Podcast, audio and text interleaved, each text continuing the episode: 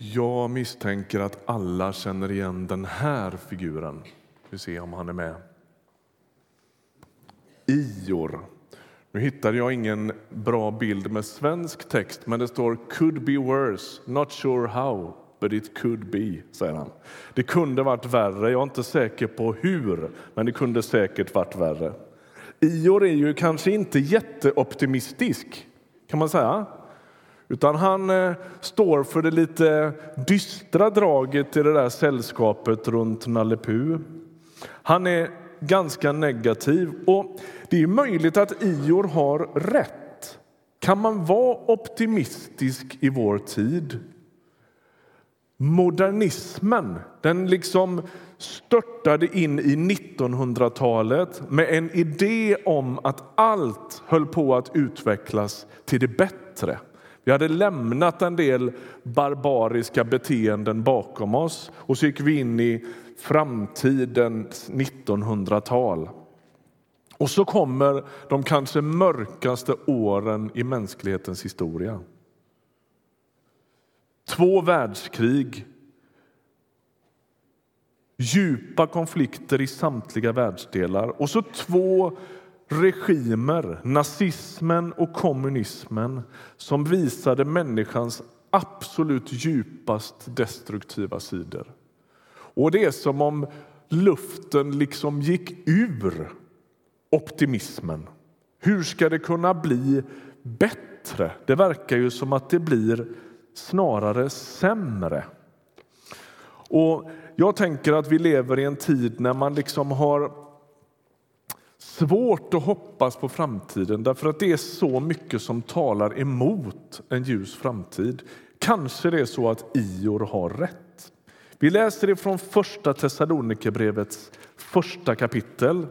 Du som har firat gudstjänst här under hösten vet att vi har levt ganska mycket i det här kapitlet. Vi hade en hel gudstjänstserie i höststarten som vi kallade Tro, hopp och kärlek från samma kapitel. Och nu läser vi avslutningen av det här ganska korta, tio versor, versar långa kapitlet. Det står så här. Ni har fått Herrens ord att höras och inte bara i Makedonien och Akaja. Överallt har man hört talas om er tro på Gud och vi behöver inte säga någonting.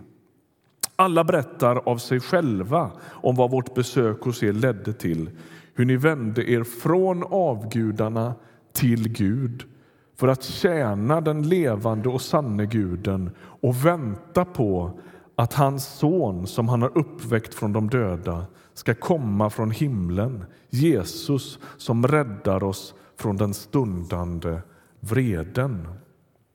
Sofia Jonsson, vår ungdomspastor, inledde förra veckan fantastiskt bra genom att ha tre stolar här framme. Och så berättar hon hur man kan sitta utifrån tre olika perspektiv. Antingen på den första stolen med ett helt jordiskt perspektiv på livet. Det finns ingenting efter döden, det finns inget att hoppas på och det gäller bara att göra det bästa av hur det är nu. En sorts jakt på omedelbar glädje och tillfredsställelse som lätt får en människa att tappa modet och undra men är det här allt livet går ut på? Och så kan man göra som hon visade förra veckan och röra sig till den andra ytterligheten och få ett rakt igenom himmelskt perspektiv. Det måste väl bli bra? Det måste väl åtminstone pastorn tycka blir bra? Nej, risken är att man då tappar fotfästet i den här världen och ser allt som sker som en sorts transportsträcka. Hela livet blir bara till för något helt annat. Vi är här för att. Liksom.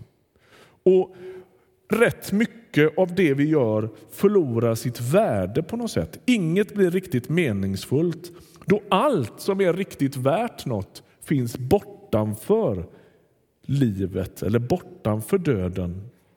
Och det intressanta är, som Sofia var inne på sist, att modlösheten lätt infinner sig på båda de här stolarna. Amen, vad lever jag för? Vad går det ut på att leva här? Vare sig jag har ett strikt jordiskt perspektiv och materiellt inomjordiskt perspektiv eller ett rakt igenom himmelskt perspektiv så kan jag liksom hemfalla åt samma ja, men drabbas av samma meningslöshet. På den tredje stolen där glömmer man varken, den är i mitten, där glömmer man varken himmel eller jord utan där lever man präglad av bönen som finns i Vår Fader. Låt ditt rike komma, låt din vilja ske på jorden som i himlen. Och Det är det det här handlar om nu. då. Man är helt närvarande på jorden men med perspektivet att Jesus ska komma tillbaks och att han är det yttersta hoppet för den här världen. Alltså med en sorts dubbelt seende. Och Det här är vad Thessalonikerna verkar göra. De har varit kristna ett kort tag. Vi berättade i inledningen av vår förra serie om hur Paulus kommer till Thessaloniki, en stad i nuvarande Grekland. Och Han predikar tre sabbater i rad, står det. Och Sen får han lägga benen på ryggen och fly därifrån på grund av förföljelsen. Och så blir det en liten nystartad församling kvar där. Och Ryktet går om att de tar Jesus på allvar. Och så läste vi här nu då att de har tidigt förstått att Jesus ska komma tillbaks. Men det har inte gjort dem världsfrånvända, utan de tjänar Gud i den här världen medan de väntar. Man kan säga så här, sammanfattningsvis gör Thessalonikerna så här. De tjänar medan de väntar och väntar medan de tjänar. Alltså i en sorts cirkelrörelse.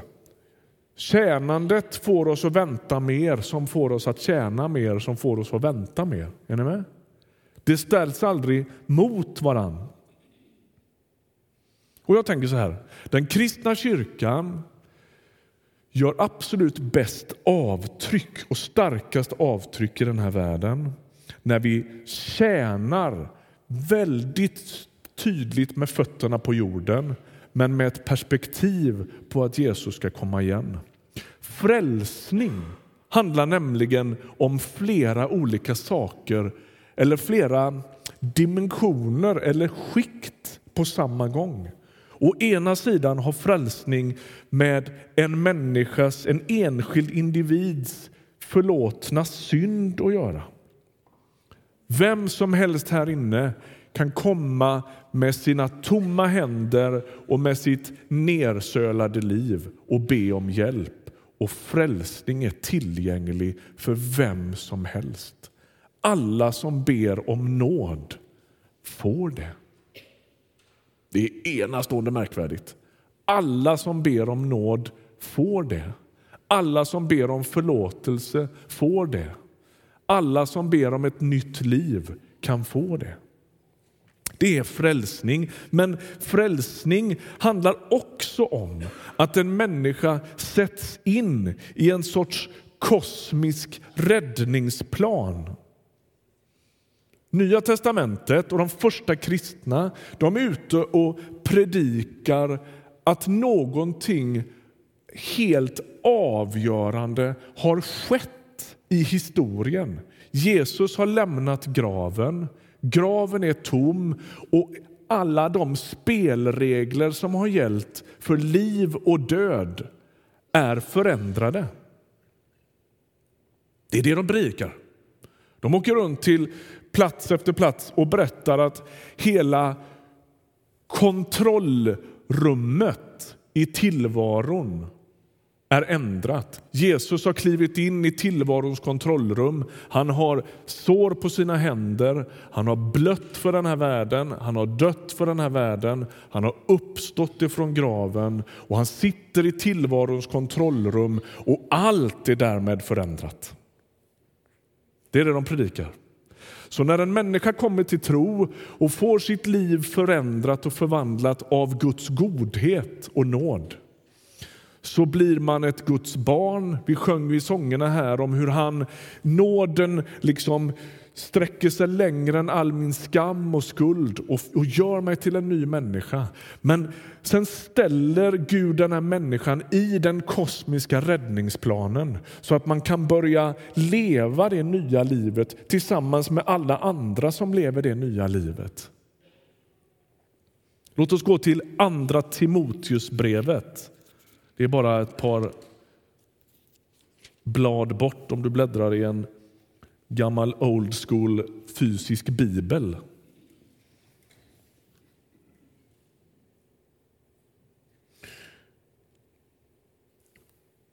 Då står det så här. Vi kan läsa från vers 9, Andra Timoteus 1. Han har räddat oss, alltså Jesus, och kallat oss med en helig kallelse, inte på grund av våra gärningar utan genom sitt beslut och sin nåd som han skänkte oss i Kristus Jesus redan före tidens början men som har blivit uppenbar nu när vår frälsare Kristus Jesus trätt fram. Lyssna nu. Han har utplånat döden och dragit liv och oförgänglighet fram i ljuset genom evangeliet. Jag tycker det är en fantastisk vers. Jag har levt med den den här veckan inför den här söndagen. Han har dragit liv och oförgänglighet fram i ljuset.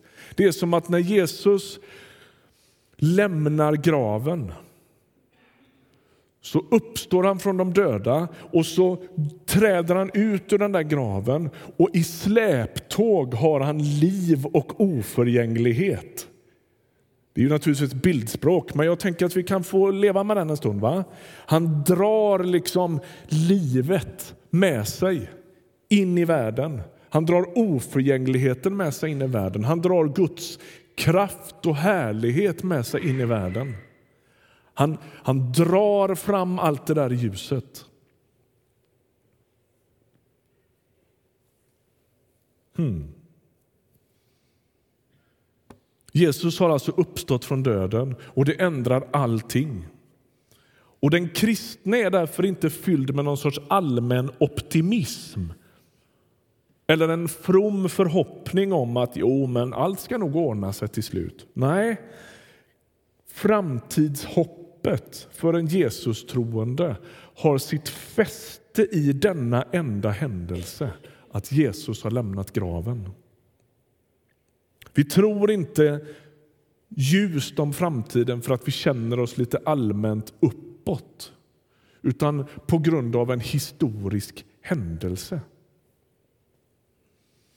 Och det som då följer i Jesu fotspår det är det som kallas för Guds rike. Det är en ny världsordning som gäller nu. Jesuslivet ska genomsyra hela tillvaron och det har redan börjat. Det började på påskdagens morgon och en dag ska det slutföras i och med att Jesus smittar ner allting.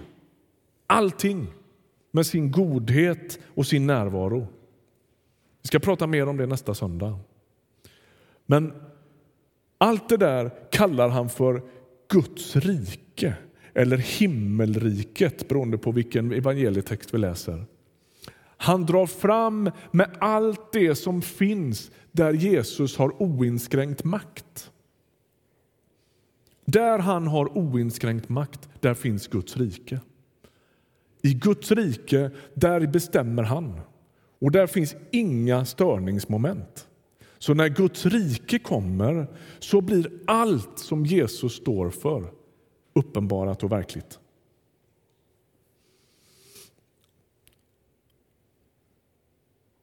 När Jesus blir ifrågasatt i en bibeltext och man beskyller honom för att till och med gå den ondes ärenden, då säger han så här i Matteus 12. Men om det är med Guds ande jag driver ut demonerna, då har Guds rike nått er, säger han. Alltså, han hävdar att de handlingar han gör och den undervisning han ger är ett tecken på att Guds rike är där. Och så säger de här Thessalonikerna, eller det sägs om dem att de tjänar medan de väntar och väntar medan de tjänar. Och jag tänker att det där är att utbreda Guds rike. Att liksom ta ut framtiden i förtid. Det är vad vi gör. Att leva, som teologen Mikael Telbe säger, med framtiden i ryggen. Alltså, framtiden är på ett sätt redan ett faktum och vi lever redan i ljuset av att en dag ställs allting till rätta. Och Frågan uppstår då. Vad är, vad är skillnaden liksom? När Guds rike upprättas och sprids eller till exempel när en FN plan eller en Rädda Barnen-satsning gör en insats. Vi, det är ju fantastiskt att det sker. Jag skulle aldrig komma på tanken att ställa det här mot varandra. Men vad är skillnaden? Vi tillhör ju Evangeliska Frikyrkan som samfund och Josefin Follsten som är internationell ledare för det, ledare för det internationella arbetet. Hon säger så här efter många års erfarenhet av internationell mission. Ingenting kan förändra ett samhälle i tredje världen så mycket som när en församling grundas där. Det är som att hela samhället lyfts då. Då får kvinnor stärkta rättigheter. Då får barn gå i skolan. Då shapar man upp vården. Då talar man om livets okränkbarhet. Då stärks familjerelationer. Alltså på alla möjliga olika områden så är det så att planterar man en församling i en by i Kambodja så kommer livet att stärkas där. Därför att Guds rike kommer dit och det påverkar alla livets områden. Historiskt i vår i frikyrkans mission så skulle man kunna säga att man, man man kunde sammanfatta vårt arbete utomlands genom de tre hus man alltid byggde när man kom till en plats. Man byggde en kyrka, man byggde en skola och man byggde ett sjukhus. Eller hur? Ni som kan den här historien med missionen i både Afrika, Asien och Sydamerika vet att ja, men det var mycket så man tänkte. Man kommer dit och antingen går det att börja med kyrkan, men det är inte alltid möjligt, utan man kanske börjar betjäna samhället med ett sjukhus. Alltså, det är inte kinkigt vilken ordning de där kommer. Men man tänkte sig att man betjänar livets alla möjliga områden, därför att Guds rike har med hela livet att göra. Idag bygger vi inte så mycket hus, utan vi lever mer med nätverk och samarbetspartners över världen där man möjliggör för lokala initiativ i Laos eller i Brasilien eller vad det är att göra de här sakerna själva. Och då kan man säga att inte särskilt mycket har förändrats förutom huset som vi inte bygger. Utan vi säger vi jobbar med att grunda, träna och tjäna. Det är egentligen samma sak. Fast det går till på lite andra sätt och det kanske inte nödvändigtvis är betong och, och, och, den typen av saker. Då. Men jag tänker att EFKs mission, både ute i världen och så skulle vi kunna tänka här hemma också, handlar om alla de här områdena. Människor måste få göra ett livsförvandlande möte med Jesus. Men vi vill också se att barn börjar gå i skolan och vi önskar att det skulle finnas schysst vård och en bra brunn och slåss mot eh, slaveri, människohandel, elände och mörker. Verka för försoning. Ni är med? Alla de där sakerna har med Guds rike att göra. Mikrokrediter, anti-trafficking-projekt och så vidare. Om man ska spetsa till det skulle man kunna säga så här. Vi utbreder inte det nya riket genom de här olika uttrycken, freds och miljöarbete, jämställdhetsfrågor, fattigdomsbekämpning med mera, för att utsikterna att fullt ut lyckas är så goda. Lyssna nu, det här är, om du bara kommer ihåg någon grej så det är nog den här. Poängen är inte att vi gör det för att vi tänker att utsikterna att gå i mål med detta är så fantastiska. Nej, vi gör det för att riket bara måste få proklameras i ord och handling över hela världen. Är ni med på det? Vi ser en massa effekter av det, men oavsett om vi såg det eller inte så är uppdraget att utbreda Guds rike. Jag går ett varv till så att vi ska vara med på vad jag försöker säga. Vi läser en central bibeltext som jag ofta återkommer till för att förstå det här med Guds rike. Vi lägger på den. Det är Jesus som är i sin hemby Nasaret och vi läser han kom till Nasaret där han hade växt upp och på sabbaten gick han till synagogan som han brukade. Han reste sig för att läsa och man gav honom profeten Jesajas bok. När han öppnade den fann han det ställe där det stod skrivet Herrens ande är över mig, ty han har smort mig till att frambära ett glädjebud till de fattiga. Han har sänt mig att förkunna befrielse för de fångna och syn för de blinda, att ge de förtryckta frihet och förkunna ett nådens år från Herren. Han rullade ihop boken och gav den tillbaka till tjänaren och satte sig. Alla i synagogan hade sina blickar riktade mot honom. Då började han tala till dem och sa, idag har detta skriftställe gått i uppfyllelse inför er som hör mig. Han förkunnar ett glädjebud för de fattiga, syn för de blinda. Och allt det här smakar Jesu närvaro. Och det är det vi gör när vi utbreder Guds rike. Upprättelse, försoning, förlåtelse, syn, glädje till de fattiga, frihet för de förtryckta. Allt det där är sätt att utbreda Guds rike på. Och Därför kan man inte ställa ett enkelt vittnesbörd ute på stan här. Ungdomarna var ute i fredags. Jag förstod att det var massa ungdomar med i fredags här ute och vittnar om Jesus, det är ett uttryck för, Jesus, för, för, för, Guds rike och det kan aldrig ställas emot andra saker. Utan det finns massvis med andra uttryck. När Martin Luther King ställer sig på, på, på bästa plats i, i Washington framför the Lincoln Memorial och säger I have a dream, så är det Guds rike det där smakar. Brian Stevenson som ni såg precis innan gudstjänsten började här, som vi ska visa nästa söndag vid kyrkkaffet i Ekkällan. Han är en eh, advokat i, eh, Martin Luther Kings anda. Missa inte det, det kommer bli fantastiskt bra. Eh, det är Guds rike. Det är det det handlar om.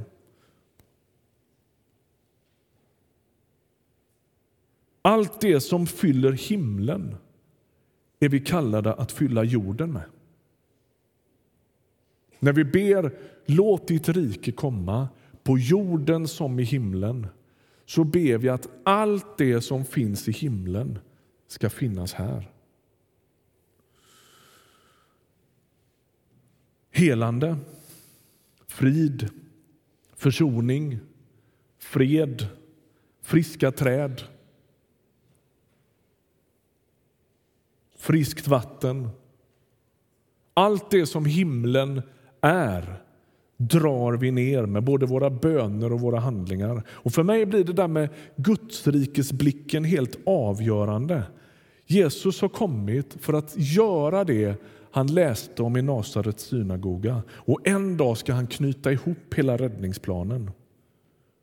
Fram till dess försöker vi omsätta Jesu liv och lära på alla livets områden. Det är det vi gör när vi ber och jobbar för Guds rike. Notera skillnaden i den där texten vi läste idag från första Tess mellan att tjäna och att vänta. Tjänandet är väldigt aktivt medan väntandet är passivt. När vi tjänar så gör vi grejer och när vi väntar så väntar vi på att någon annan ska göra grejer. Och jag tänker i, det, i den kombinationen finns beskyddet. Hur mycket vi än tjänar i den här världen så finns det gränser för vad vi kan uträtta. Vi kan förbättra samhällen drastiskt, men det blir aldrig perfekt. Till sist måste Jesus komma tillbaka och ställa alltihop till rätta. Det är då han fullt ut säkrar Guds fulla regentskap en gång för alla. Gud ska en dag bestämma fullt ut. Å andra sidan, om man är den som gärna väntar passivt vi kan inte slå oss till ro med att ah, men det är ingen idé att göra något. Allt hänger på att Jesus kommer. Vi bara väntar på det. Det löser sig. Nej, kallelsen är att redan här och nu göra som Jesus som drog fram liv och oförgänglighet i ljuset. Och på det här sättet tänker jag att vi befrias från två extrema ytterligheter. Idén att vi tror att vi kan göra allt och motsatsen, pessimismen som fått för sig att vi inte kan göra något. Det är i brytningen mellan dem som den kristna kyrkan alltid lever. Nej, vi kan inte göra allt, men vi kan göra rätt mycket. Paulus skrämmer aldrig folk med förkunnelsen om att Jesus kommer tillbaks. Men han söver dem inte heller. Nej, grejen är att vi ställs i Gudsrikets tjänst. Vi tar Guds rike med oss in i skolan. Att slåss mot mobbing i Jesu namn är en Gudsrikeshandling. Att ifrågasätta vapenexporten är ett sätt att redan nu dra in Guds fullkomliga värld i våran. Att arbeta för miljön så att exempelvis människor i Bangladesh inte ställs helt under vatten är en handling i Jesu anda. Att grunda en församling i Kambodja är ett fantastiskt sätt att lyfta ett helt samhälle. Är du med? Blir världen perfekt på det sättet? Nej. Men vi ger den en försmak av ett rike som kommer fullt ut så småningom. Kort avslutningsvis, till dig som har skrämts av förkunnelsen om att Jesus kommer tillbaka. Som har blivit rädd av det. Jag skulle önska att du fick bottna idag i att förkunnelsen om att Jesus kommer tillbaka, det är goda nyheter. Senare i det här brevet, första Thessalonikerbrevet, så, så talar, Jesus om hur det där, eller talar Paulus om hur det ska gå till när Jesus kommer. Och så rundar han av det där avsnittet med att säga trösta varandra med de orden. Inte skrämmer varandra med de orden och inte heller söv varandra med de orden, utan trösta varandra. Jesus säger på något ställe när allt drar ihop sig och världens liksom, historia ska knytas samman, då kan ni räta på era ryggar och lyfta era huvuden, för befrielsen närmar sig. Du behöver inte vara rädd. Det är goda nyheter att Jesus ska ställa allt till rätta. Och du som har flytt den här världen genom att leva i någon sorts romantiserat skimmer runt frågan om att Jesus kommer. Till dig skulle jag vilja säga, kavla upp ärmarna. Gör som Thessalonikerna. Tjäna medan du väntar och vänta medan du tjänar. Vakna. Var nykter. Och till dig som har dukat under av all nöd och som inte orkar. Jag tror att vi alla kan känna igen oss i det. Men tjänar det någonting till att bry sig? Tjänar det något till att göra gudsrikeshandlingar?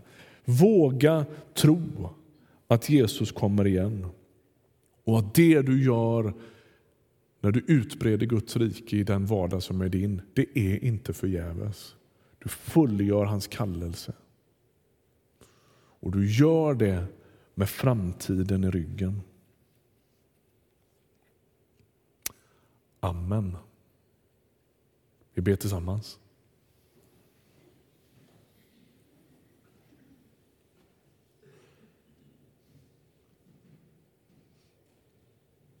Tack Jesus för att du är här. Tack att du vill